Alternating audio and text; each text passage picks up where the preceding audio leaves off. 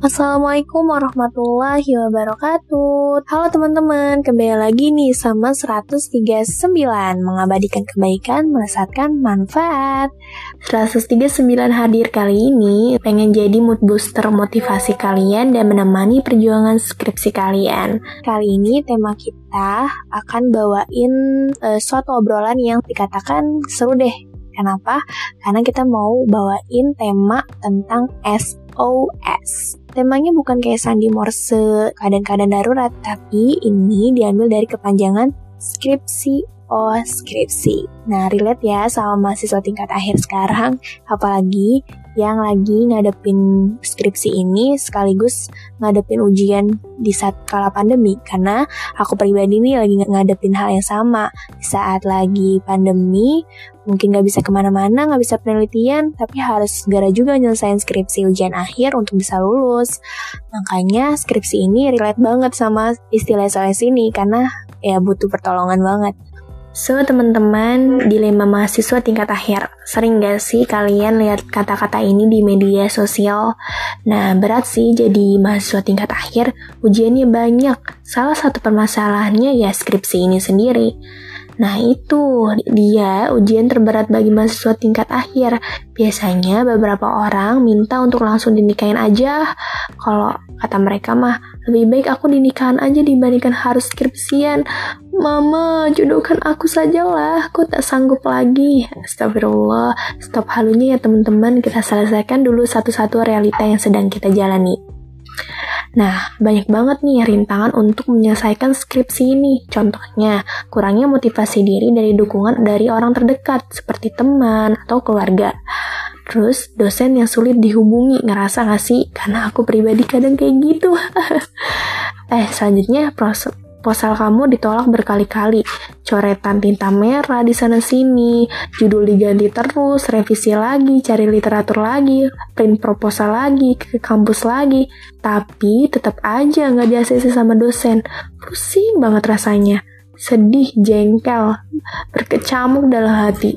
Tapi jangan sampai stres ya teman-teman dan melakukan hal yang tidak semestinya ya gara-gara skripsi ini. Nah, teman-teman, uh, skripsi ini bagi pejuang skripsi ini seharusnya merupakan nikmat rizki yang diberikan Allah Subhanahu wa taala kepada kita loh. Kenapa? Karena hal ini sebenarnya sama kayak yang dirasakan oleh adik-adik SD, SMP, dan SMA seperti ujian nasional atau tesis untuk mahasiswa S2, disertasi untuk mahasiswa S3, serta kitabnya para ulama. Skripsi untuk tingkat S1 ini adalah tanda bahwa kita sudah menyelesaikan pendidikan kita.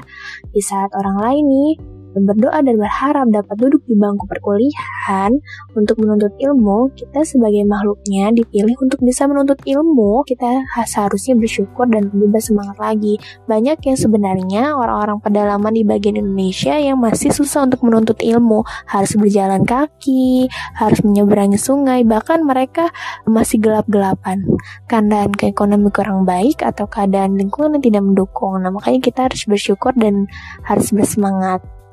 Guys, menurut ilmu ini sebenarnya dalam Islam merupakan suatu kewajiban bagi manusia sejak lahir sampai akhir hayat.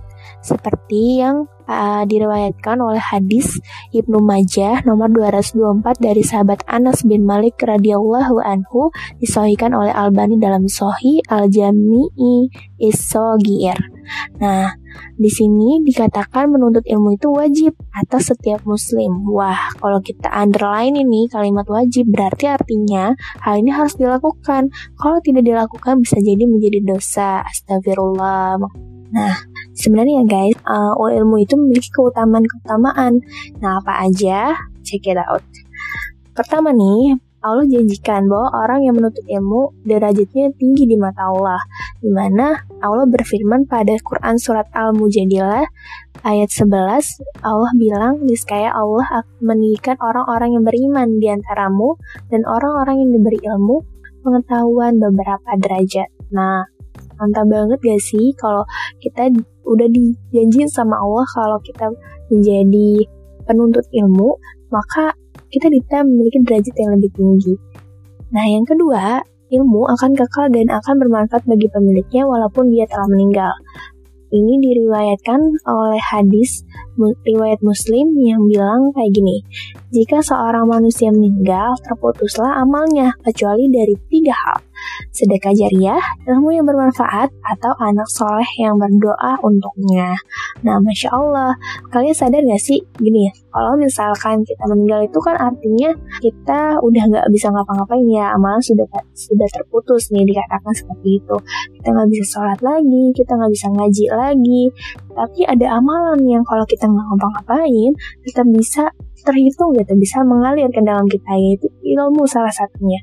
Nah makanya jadi ilmu ini bahkan jadi bisa penolong kita nanti di akhirat. Bisa jadi kalau kita punya ilmu yang bermanfaat artinya itu ilmu bisa diberikan memiliki impact juga kepada orang lain gitu. Kayak misalkan teman-teman dengar podcast ini gitu ya, terus teman-teman share ke orang-orang, ke, ke sahabatnya, ke teman-teman dekatnya, ke teman-teman di Instagram atau ke keluarga yang tercinta. Nah, mungkin bisa aja malah menjadi ilmu yang bermanfaat untuk orang lain, kemudian ini bisa menjadi penolong dan amal untuk teman-teman gitu. Nah, selanjutnya, menuntut ilmu akan diberi kebaikan dunia dan akhirat. Hal ini terdapat dalam surat Al-Baqarah ayat 269, di mana Allah berfirman, Allah menganugerahkan al-hikmah atau kepahaman yang dalam tentang Al-Quran dan As-Sunnah pada siapa yang dikehendakinya. Dan barang siapa yang dianugerahi hikmah, ia benar-benar telah dianugerahi karena yang banyak. Dan hanya orang-orang yang berkah lah yang dapat ambil pelajaran dari firman Allah.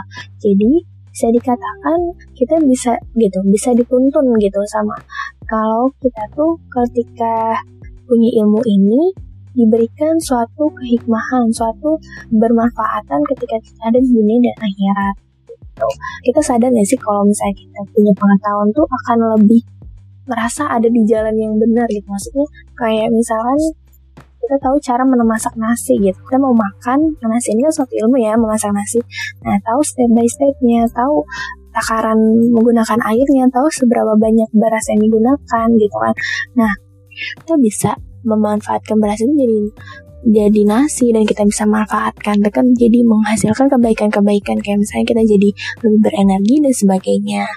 Nah terus selanjutnya menurut ilmu dimudahkan jalannya ke surga. Seperti hadis riwayat muslim yang mengatakan Rasulullah bersabda Siapa yang menempuh jalan untuk mencari ilmu, maka Allah akan memudahkan baginya jalan menuju surga.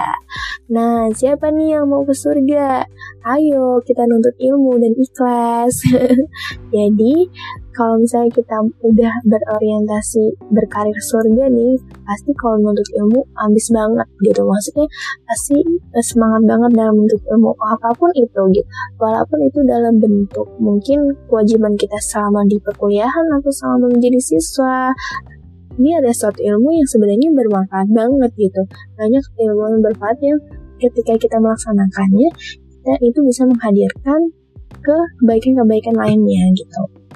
Nah, teman-teman, itu adalah empat keutamaan dalam menuntut ilmu, di mana kita sering banget kan kalau menuntut ilmu merasakan lelah dalam menuntutnya, terus malas, bahkan putus asa, padahal jika kita menjalankannya dengan sebaik mungkin, justru ilmu itulah yang akan membawa kebaikan dunia dan akhirat serta mendekatkan kita kepada surga.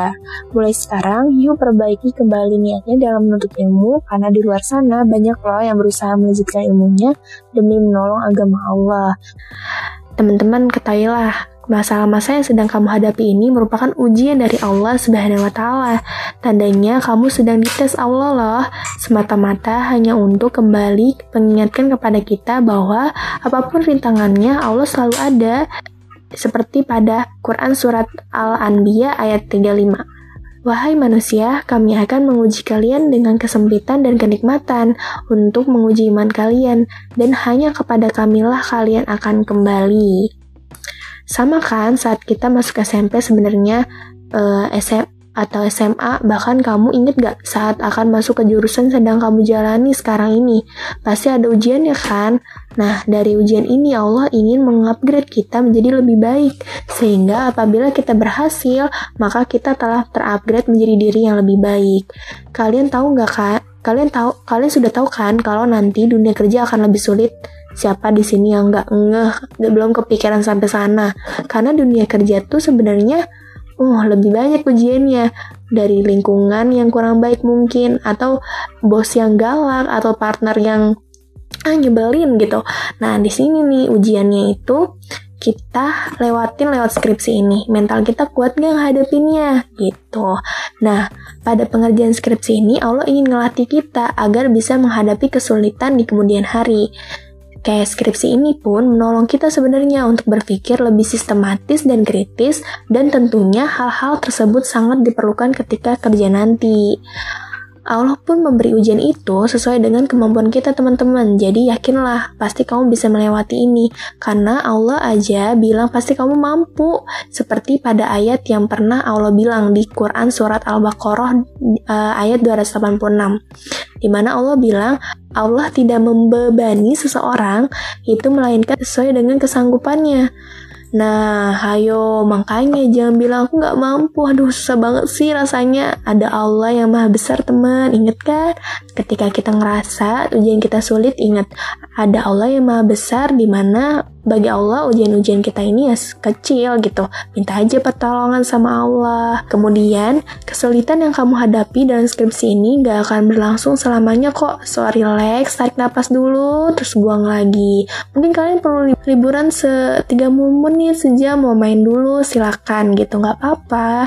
Apa-apa apalagi kita harus terus berusaha kan dan pengen berprogres pasti bisa selesai kok. Karena Allah mengabarkan bahwa pasti ada kemudahan setelah kesulitan seperti pada ayat yang Allah janjikan di Quran yaitu surat Al-Insyirah ayat 5 sampai 6 yang berbunyi maka sesungguhnya bersama kesulitan itu ada kemudahan.